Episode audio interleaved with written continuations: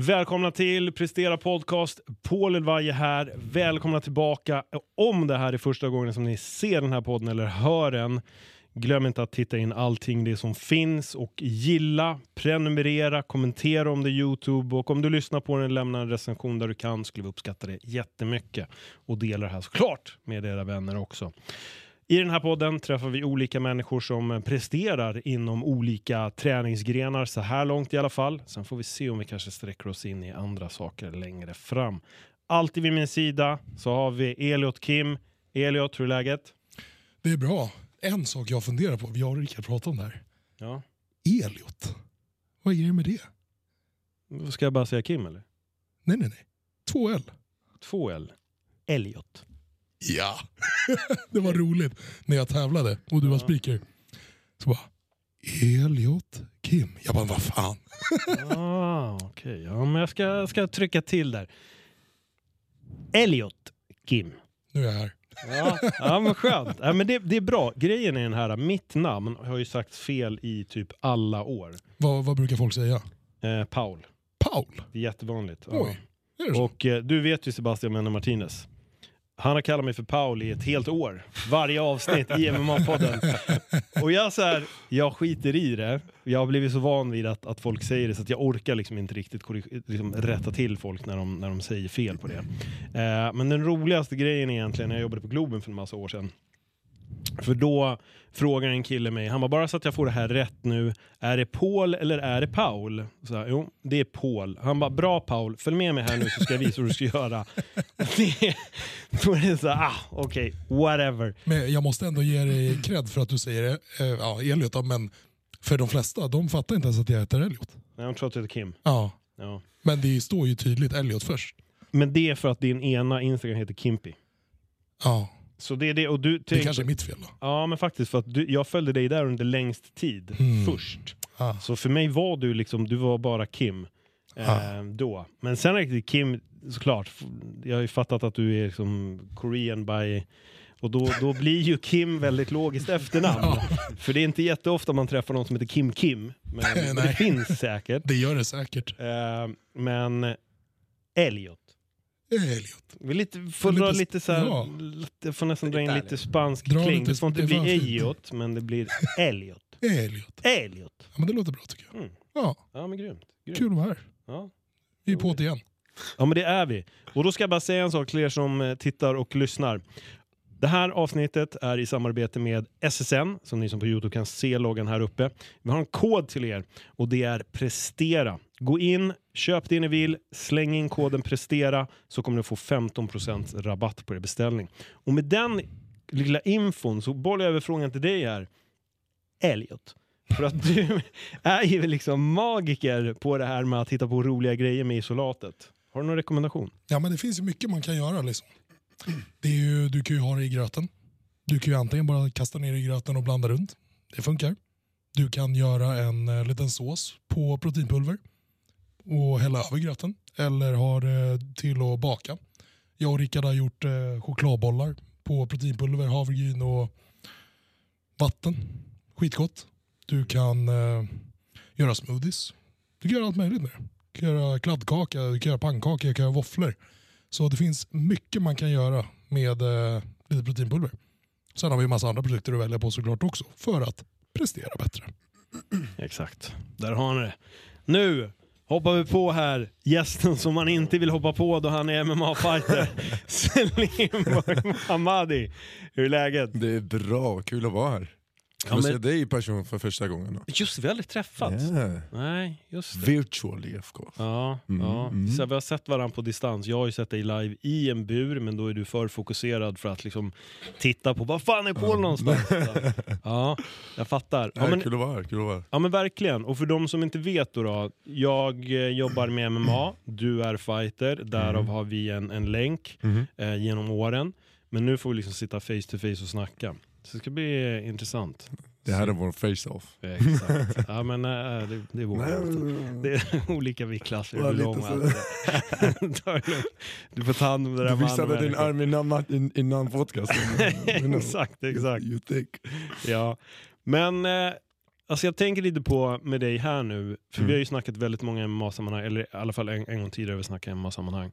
Men nu är vi ju en podcast där eh, vi har snackat väldigt mycket fitness, vi har pratat bodybuilding, så det är Ja. kul att för första gången få ha en MMA-fighter här. Och du är ju en av få MMA-fighters också som är en SSN-atlet, som har ett eh, sponsorskap med dem.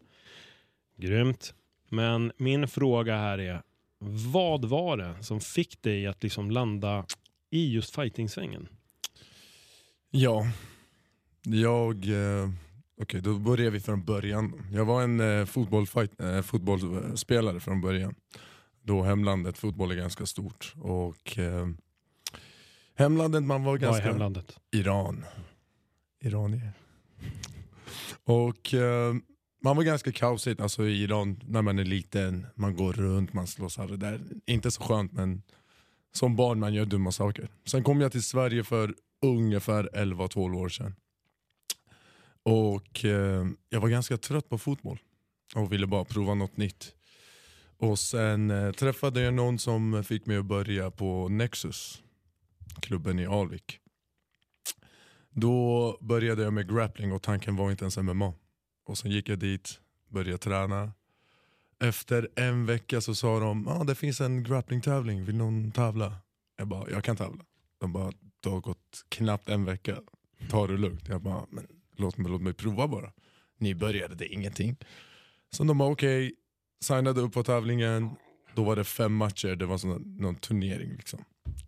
Och alla fem matcher vann jag i under typ tre minuter. Sen någonting bara väckte i mig. Jag bara, det här var skitkul. Så började jag tävla lite grappling och grappling är jujitsu utan direkten. Liksom. Och eh, vann SM två gånger. Och sen eh, tävlade jag Na- eh, Naga North American Grappling Association. Och där vann jag också. Och då tänkte jag, varför inte prova på MMA? Jag såg många slåss och sen gick jag på många tävlingar och kollade. Jag tyckte det var jättekul. Men jag hade aldrig tränat stående. Så jag bara, "Äh, grapplingen gick bra. MMA går också bra säkert. Så signade jag upp mig för min första amatörtävling. Går in, jag väger kanske 73-74 kilo.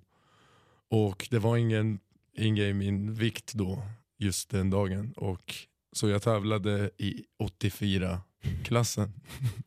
så kommer in en kille som är jätte, jättestor. Och jag tänkte så här, jag bara, jag kollar på min tränare, jag bara, ska jag slåss mot honom? Han bara, ja. Och då tänkte jag bara, what did I sign up for verkligen? Så går jag in och han kommer in och han bara, jag vet inte vart han jag tror han var från Polen. Och han kommer in med sjukaste boxningen och bara träffar mig några gånger rent. Så jag ser hela världen bara snurra runt mig. Och jag tänkte, Ej, det här är inte min grej, jag måste ta ner honom. Så jag tog ner honom, vann med en Van flut choke. Jag visste inte ens vad Van flut är. Så för er som kollar, om ni inte vet, jag visste inte det heller. Jag bara gjorde det och sen vann jag, sen sa de efter. Eh, då började jag köra, mixa upp lite, köra lite thaiboxning, lite boxning och bara förbättra mig för MMA. Det var så jag kom in i det. Så därefter jag bara, this is my life now. Hur länge sedan var det sa du? Jag började kampsport 2014 tror jag. Och sen var det två år efter det jag började, jag körde min debut tror jag. Eller ett, ett och ett halvt år efter. Något sånt. Så 2015, 2016, då började jag med MMA helt. Så. Vad sa familjen när du ville göra det här? Ja, alltså när jag var amatör så var det ganska lugnt. Eh, Min pappa han är, han är veteran från kriget i Iran. Och, Eh, men vi är inte så nära så det funkade ändå bra från pappas håll. Och eh, Mamma var lite så här skeptisk men hon bara så länge du pluggar till ingenjör, det funkar. Man bara “okej, okej, men jag vill inte plugga egentligen. Så jag började tävla, tävla, kom in i landslaget. Sen när jag switchade till proffs, då märkte jag första två matcher det gick inte så bra. För jag var inte redo för proffs. Och jag hade inte det här proffsmentalitet och allt så här. Då jag kom överens med mig själv, okej om jag ska fortsätta med det här då måste jag ta bort allt annat. Jag kan inte göra det och det. Det här är en karriär av sig själv. Jag måste sitta och plugga det här. Så jag berättade för mamma att eh, mamma, eh, din son blir inte en ingenjör. Han kommer bli en arkitekt för ansikte istället. Bara. och eh, hon sa nej, absolut inte. Men eh, jag försökte resonera med henne men till slut hon sa nej. Och vi slutade prata med varandra i ungefär 6-7 månader. Oj. Så jag fortsatte träna, jag gjorde min grej och sen fick jag några vinster. Sen fick jag samtal från mamma. Okej, nu ser jag att du vill verkligen göra det här. Då jag supportar dig. Mm. Och nu hon är min backbone. Ja. Bara kollar och hejar, gråter och skrattar. Bara Men- pushar fram mig. Men kallar hon dig för MMA-doktorn?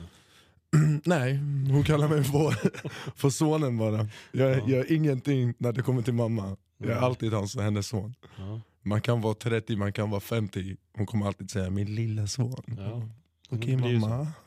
Vi får aldrig växa upp. Nej. Men, men fint ändå, alltså att ni hade, om man säger ett långt uppehåll från att prata med varandra, men att hon till slut accepterade det. Hur skönt var det för dig att få den eh, acceptansen? Extremt. Alltså min mamma, jag är uppvuxen med min mamma. Och eh, hon, hon, hon är allt jag har. Jag har alltid sagt det, om, eh, om någonting händer med min mamma, då, då kommer jag tappa det. Mm. Och eh, hon och min lillebror, det är typ två största anledningar i livet för mig. Allt jag gör, allt, alltså de driver mig fram. Om, om de inte fanns, jag vet inte vart jag har ta- tagit vägen. Liksom. Men hon har hjälpt mig med allt jag har gjort i livet. Och jag är den personen jag är på grund av henne. Mm. Så jag är tacksam och jag är jätteglad att hon accepterade det jag vill verkligen göra. För nu, jag gör någonting som gör mig glad, inte någonting som gör mig rik Nej. för sig. Men jag, jag är skitglad. Jag är glad med, det, med sättet jag lever. Mm. Och jag, jag tycker det är det viktigaste i livet. 100 procent. Vad har varit din största utmaning för dig i den här resan? Eh, För mig har det varit just mentala delen. För eh, jag, har alltid, jag, jag har alltid varit alltså, stark mentalt. Men den här mentaliteten när man kommer till elitnivå, det är, det är en annan grej. Så jag var tvungen, och jag är jätteglad att min karriär började med en liten dipp. För då fick jag verkligen sitta och prata med mig själv och tänka så här, är det, någonting, är, är det här någonting du vill göra verkligen? För att man ser på många som börjar bara med vinst efter vinst efter vinst. Sen får de en förlust, sen försvinner de. De finns ingenstans längre. För de har inte fått den här reality checken. Men jag fick det ganska tidigt i karriären. Vilket gjorde att jag satt och läste många böcker om eh, mental toughness, om mental training. Allt det här och pratade med många olika personer. Eh, folk som är atleter, folk som kan om mental training och allt så här. Och försökte bara bygga mig själv på det sättet. Jag tycker den tuffaste var ju mentala delen. Och det är inte bara att du är där inne och inget annat händer. Det är hur många som helst som sitter runt och kollar på dig. Det är kameror, det är lights. Allt det här gör det, är jättemycket press i huvudet. Mm. Så den mentala delen var den största utmaningen. Allt annat är bara kul. Alla gör det. Gå och träna, alla svettas. Och resten in i buren, det är bara kula delen. Liksom. Hur- Men nu när vi ändå är inne på det mentala, Mm. hur mycket jobbar du med det mentala än idag? Varje dag i princip. Varje dag. Ehm, om, jag, om jag signar en kontrakt för en match, från dagen jag signar kontraktet tills dagen jag går matchen. Jag drömmer varje dag om bästa och sämsta worst case scenarios. Liksom. Jag tänker på, okej jag har blivit knockad på 20 olika sätt. Jag har brutit armen, jag har brutit foten. Jag, jag gick till sjukhuset direkt efter. Och jag sitter och visualiserar vinsten också. Allting, positiva och negativa. Så länge man har koll på alla delar så kommer man inte bli surprised i matchen. Så jag sitter och tänker på saker varje, varje dag. Och försöker läsa mer och mer böcker. Jag har alltid haft lite problem med ADHD-barn. Så snabbt man läser, hjärnan går någon annanstans. Så det har varit en terapi för mig där också. Bara sitta och läsa och inte gå någon annanstans. Så mental training det är verkligen varje dag. It's a day to day struggle. Mm. Man måste bara bygga upp sig själv varje dag. För folk blir bättre. Ja. Om du blir bättre, folk också blir bättre. Så man måste bli bättre än dem. Exakt. Så man kan inte bara göra det tillräckligt och säga okej nu är jag klar. Tycker du att det är vanligt att eh, folk håller på med mental träning eller är det tvärtom? Specifikt inom MMA nu. Specifikt inom MMA, eh, elitnivå, tycker jag många gör det. Mm. Och de gör det ofta. Men det är oftast de nya fighters som har precis börjat amatörkarriären eller har precis börjat proffskarriären som tycker inte det är så viktigt. De tänker så här, jag är tuff, jag tränar hårt, jag går och kör. Mm. Men man ser det i många matcher också. Vissa fighters får jättemycket slag och de blir nedslagna men de kommer tillbaka. Det är för att de är tuffa här uppe, det är inte bara de är tuffa i kroppen. Och personen som egentligen skulle ha vunnit matchen börjar bryta ner. Mm. För det är, det är som att du typ så här, slår sönder en vägg så är det en vägg bakom. Slå sönder den, det är en vägg bakom. Och det är en vägg bakom. Och till slut du, bara, du börjar ge upp. Men väggen börjar inte ge upp, väggen fortsätter att komma bara. Och det är samma sak. Så jag tycker eh, på de högsta nivå vet jag att de gör det. Och de har tränare för mental training. Som de har någon som sitter och pratar med dem. Och de har hittat deras switch till the zone. Mm. Bara gå, gå in i sig själv och hitta det. Men jag har samtidigt träffat många som inte har det. Som jag försöker själv hjälpa dem med att få det. På det sättet som jag har lärt mig i alla fall. Mm. Och det, kommer aldrig, det kommer inte alltid funka för alla men I try. Ja. För jag vill backa till de här förlusterna som du hade, Yes. som du sa. Vad, vad i dem var det som gjorde att du kände att fan, jag måste börja jobba nu med, med, med det mentala?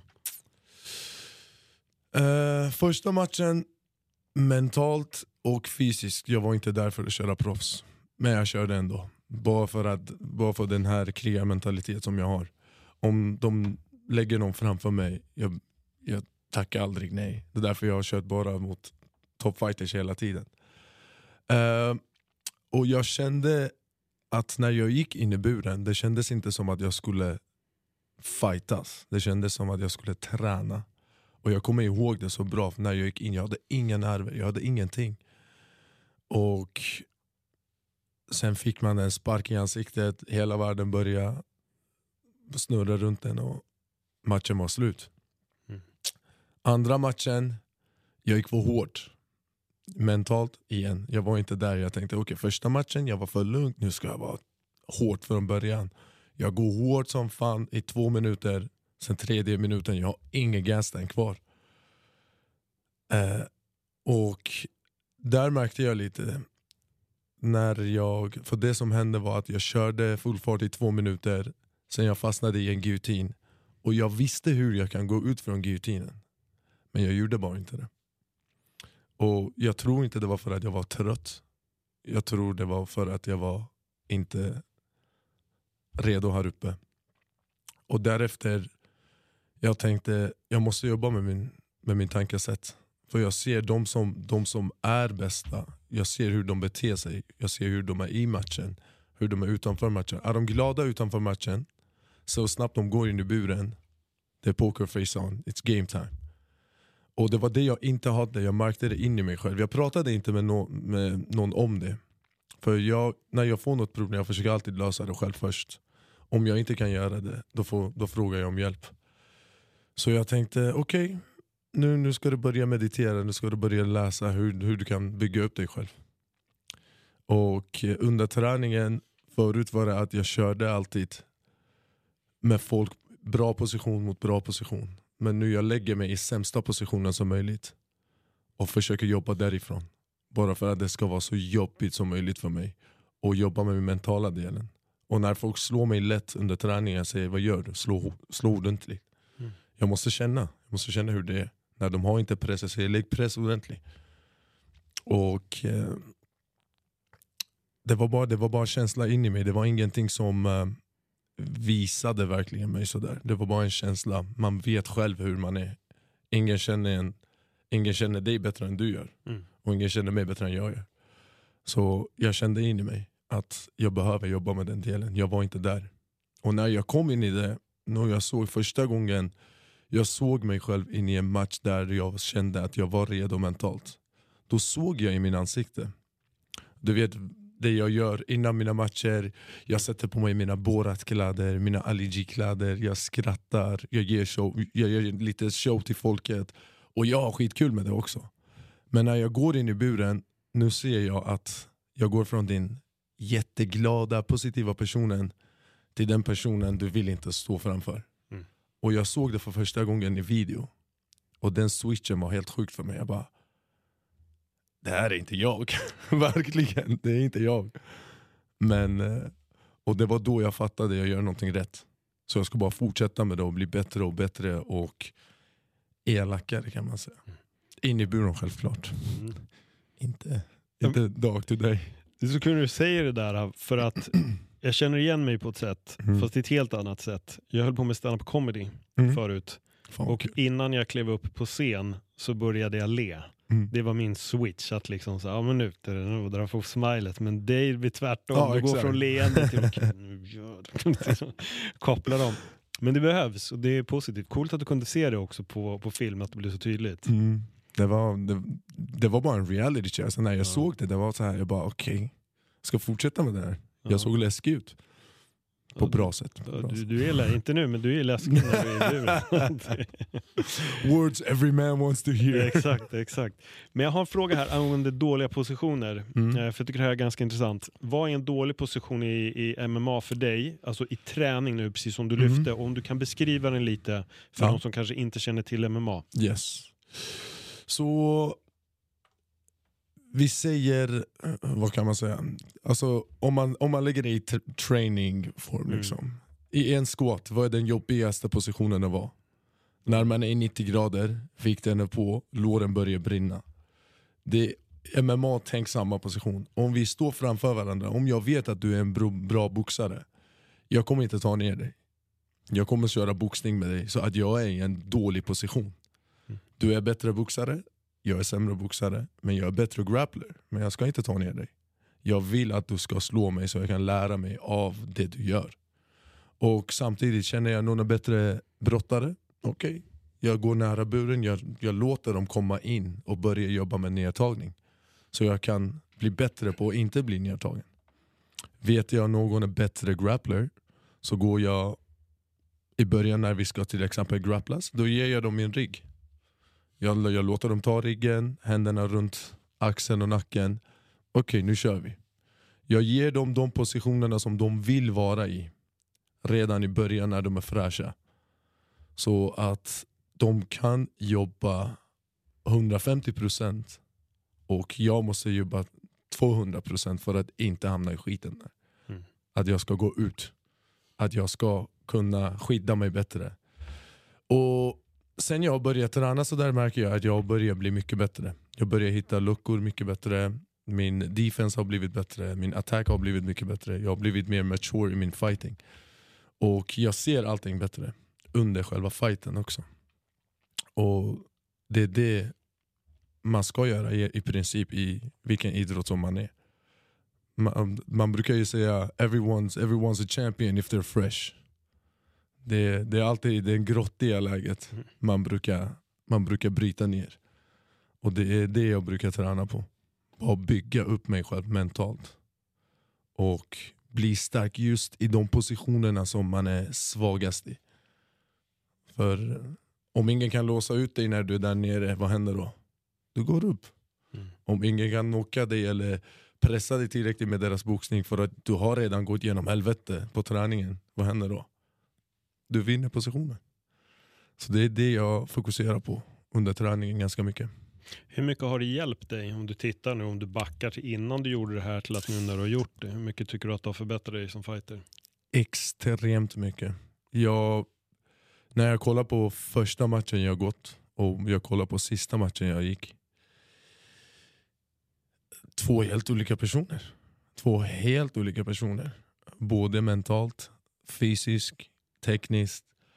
Um, jag kommer ihåg första matchen jag gick när jag fick slag i ansiktet. Då jag tänkte i huvudet, jag bara, jag började folda.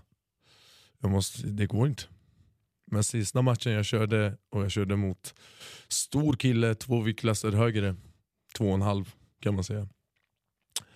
Och jag fick en riktigt bra slag av honom. Jag fick en riktigt bra krok i käken. Wasn't even faced. Jag bara fortsatte som att ingenting hände. Inga emotions, jag kollade på videon om och om bara för att se min ansikte om jag visade någonting. Ingenting. Jag fick det och bara fortsatte. Och eh, den utvecklingen är jätte, jätte kul att se. Därför jag brukar sitta och kolla på mina matcher. Det är inte som att jag blir lika glad igen när jag ser att jag har vunnit eller lika ledsen att jag har förlorat. Jag försöker bara hitta mina svagheter och mina styrkor och jobba på dem och bli bättre. Och det var min fråga var precis här, hur ofta ser du om dina matcher om du ens ser om dem? Nu har du ju sagt att du Mm. gör det. Mm. Så då vill jag veta, vad, vad tittar du efter när du väl sätter dig och studerar och analyserar dig själv? Gör du ensam också eller gör du med fler? Nej, alltså när jag kollar om mina matcher brukar jag kolla själv. Och sen när jag hänger med mina vänner, typ Amir, Amir Malikpour som är också en bra MMA-fighter, en av Sveriges bästa nu. Uh, vi brukar sitta och kolla på varandras fights och säga ah, kolla vad du gjorde här, kolla vad du gjorde där. Och det är det jag försöker kolla. Och de sakerna som mina tränare brukar skrika på mig under träningen. Upp med garden, flytta på huvudet när du jabbar. Oh, flytta på benen så här. Okej, så jag kollar in i matchen. När var det jag tog ner garden? När var det jag fick den här slagen? Vad gjorde jag som ledde till att jag fick slagen? Och, eller vad gjorde jag rätt här? Vad gjorde jag fel där? Och bara försöka tänka på det, bara visualisera i huvudet medan jag kollar. För när man tänker på någonting ordentligt, på teknik, teknikmässigt, så blir man mycket bättre. Det visste jag inte heller om. Och Sen läste jag om en study där de hade ett basketlag, de delade dem på två, eh, på tre. De sa lag ett, ni ska inte träna i en vecka. Lag två, ni ska träna som ni gör. Och lag tre, ni ska komma till träningen men ni ska bara kolla och visualisera. Lag ett fick ingen, eh, ingen procent mer, alltså den prestationen som de hade. Lag två fick 25% höjning i deras prestation. Och lag 3 som satt och bara kollade och visualiserade fick 23% Mm. höjning i deras prestation. Vilket betyder att hjärnan gör ganska mycket. Så sitter du och kollar på någonting du har gjort fel och försöker förbättra det i huvudet. Så automatiskt under träningen kommer det sätta. Du ser slaget komma, boom, garden går upp. Mm.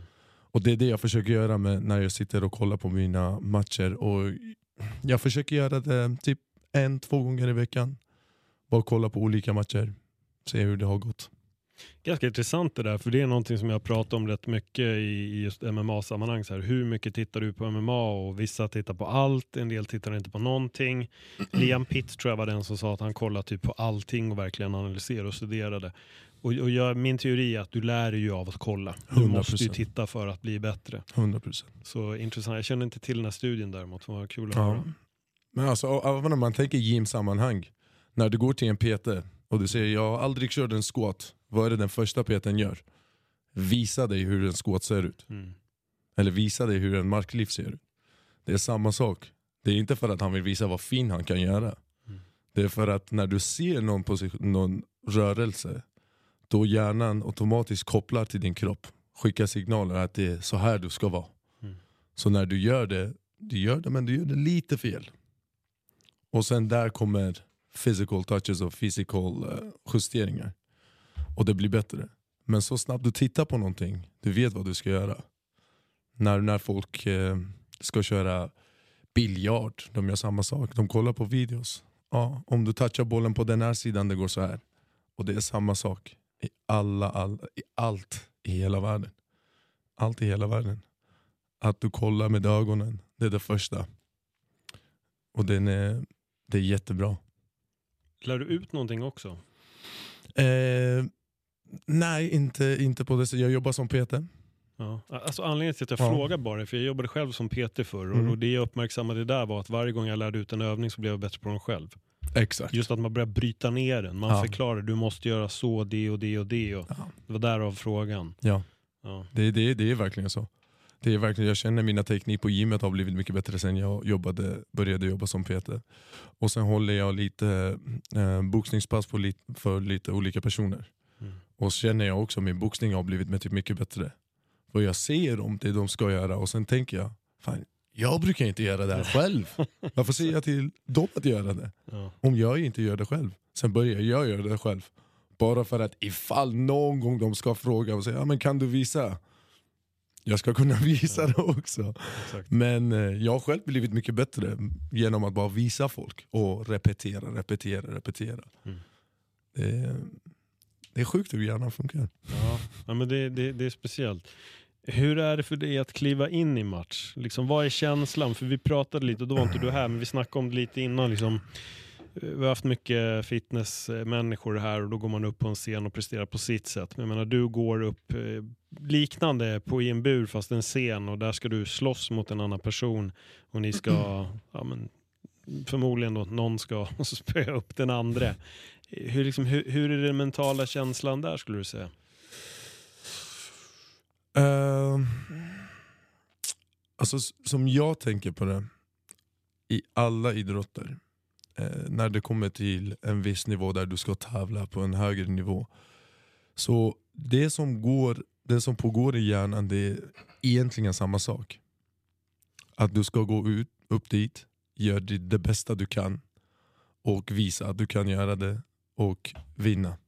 Så är det. Fotboll, basket, eh, Mr Olympia, you name it. Och fighting. Jag tycker det är samma sak. För det är någonting du brinner för. Det är någonting du har lagt timmar. Och det är någonting du vill bevisa dig själv och de andra att du är bäst på. Och folk ser fighting som en annan sak. Bara för att det är fighting. Att man ska skada varandra i princip. Eh, men det som man missar är att vi tränar på att typ ge skada och inte bli skadad. Så när jag går in i buren, det känns som en Tuesday för mig. Liksom. Det är bara en tisdag. Man går upp, man slåss, man går hem. Man gör det så mycket under träningen, så när man går där uppe, pressen är typ samma sak som allt annat. Men för mig det har varit lite speciellt. eh, de flesta matcherna jag har kört, jag har inte haft några nerver i kroppen. Jag blir inte nervös. Det enda gången jag blir nervös det är när jag signar kontraktet. Då pulsen går upp, jag blir jättetaggad, jag blir dum. För jag vill träna direkt på plats, någon måste sätta lite stopp på mig och säga hej träna mindre, träna mindre. Men eh, när jag är på väg till buren, jag har kul, jag ser folket, jag ler mot dem, de ler tillbaka, de, de skickar energi, jag skickar energi tillbaka. Och in i buren, there is just one mission. Jag har mina mål och min motståndare står framför mig. That's it. Och jag måste till mina mål. Mm. Och vinst eller förlust, så har man gjort sitt bästa så kommer man vara glad oavsett. Jag, jag blir aldrig ledsen när jag förlorar och jag blir aldrig jätteglad när jag vinner heller. För eh, jag känner att man kan alltid utveckla mer.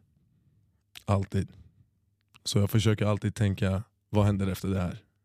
Den matchen är klar, bra. Vad gör vi efter? Den matchen är klar, bra. Vad gör vi efter? Vi förlorade, okej jag har lärt mig. Vad, vad händer efter? Bara fortsätta. Men det som går i hjärnan det är bara...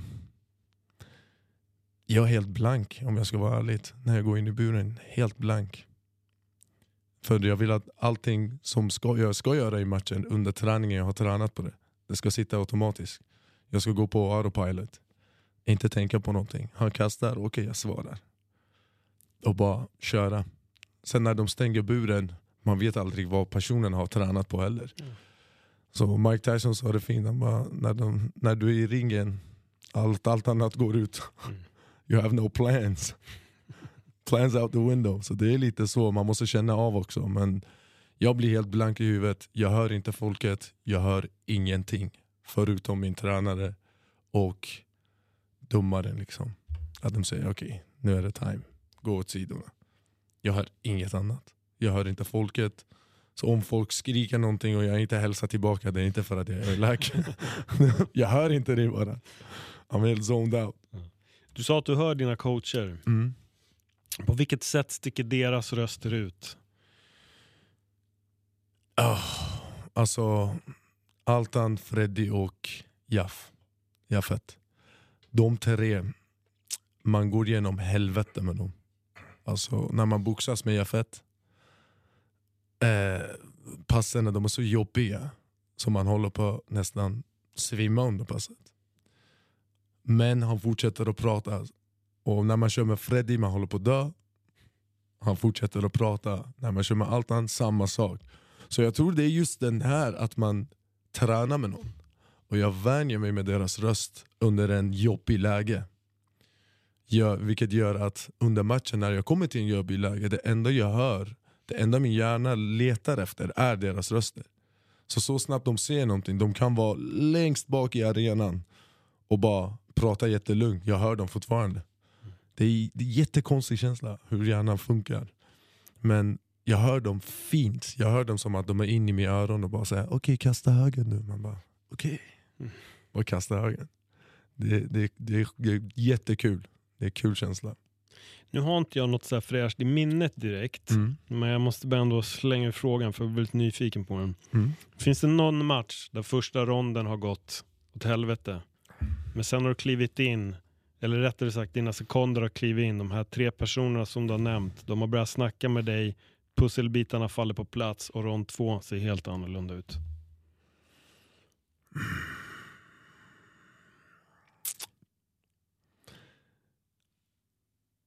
Inte än.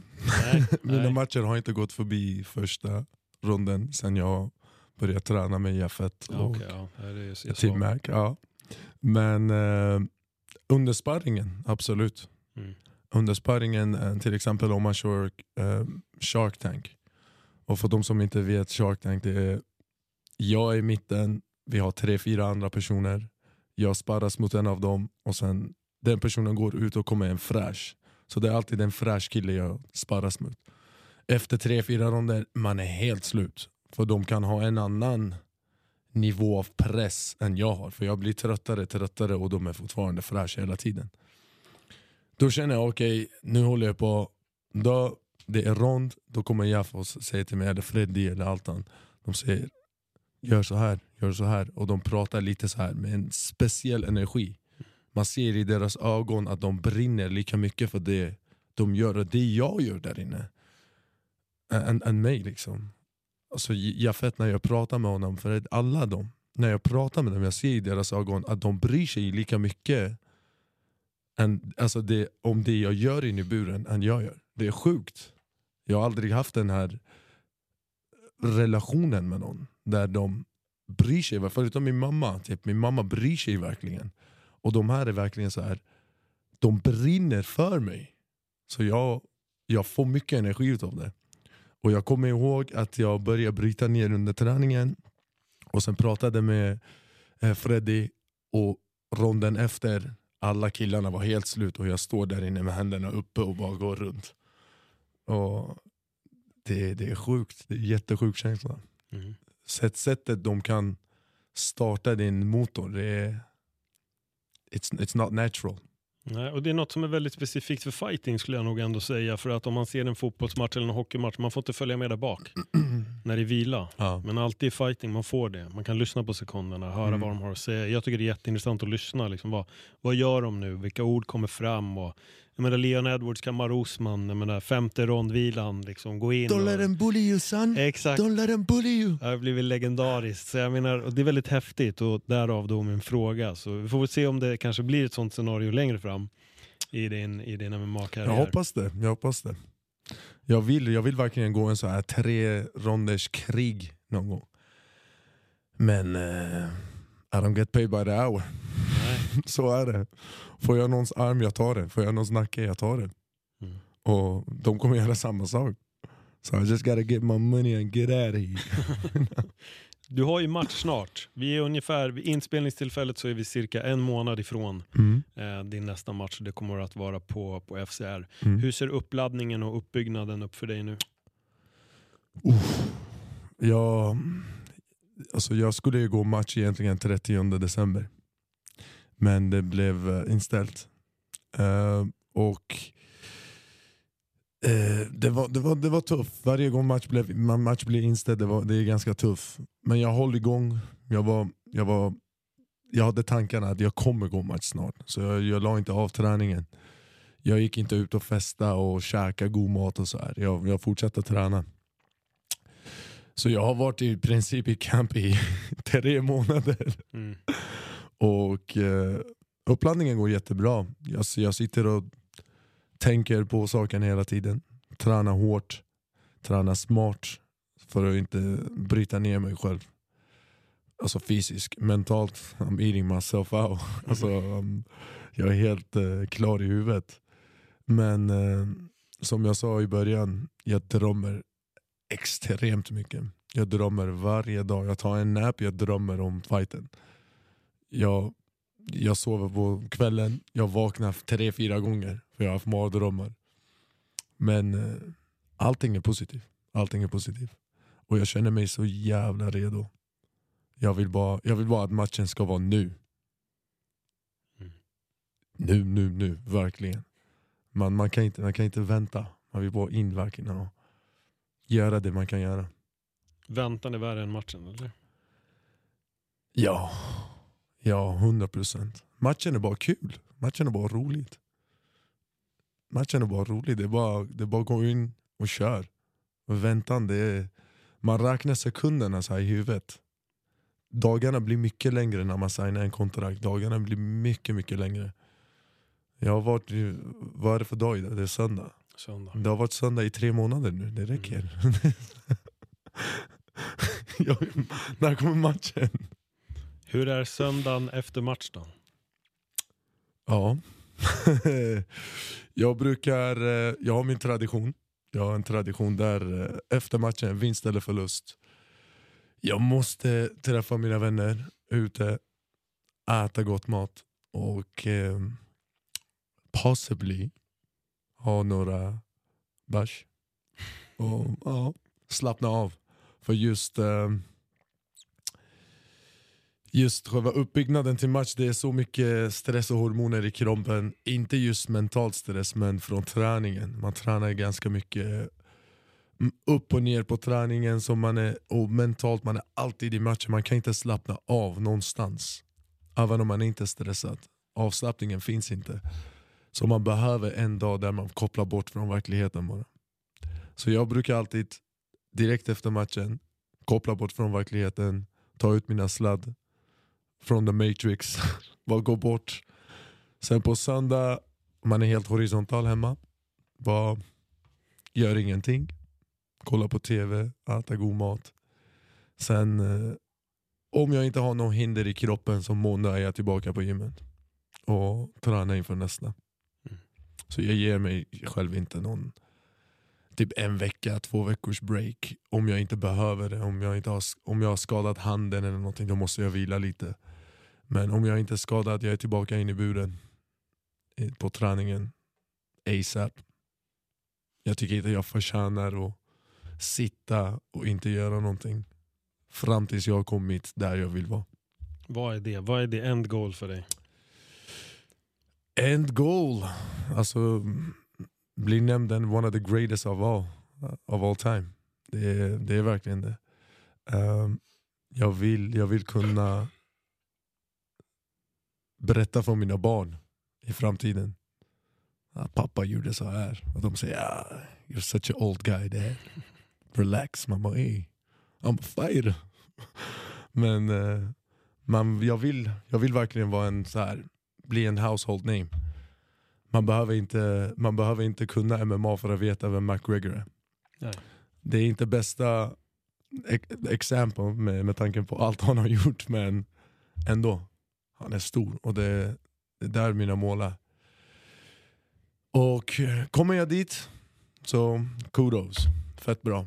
Kommer jag inte dit så har jag haft jättekul på, på vägen. Så jag kommer aldrig eh, vara ledsen.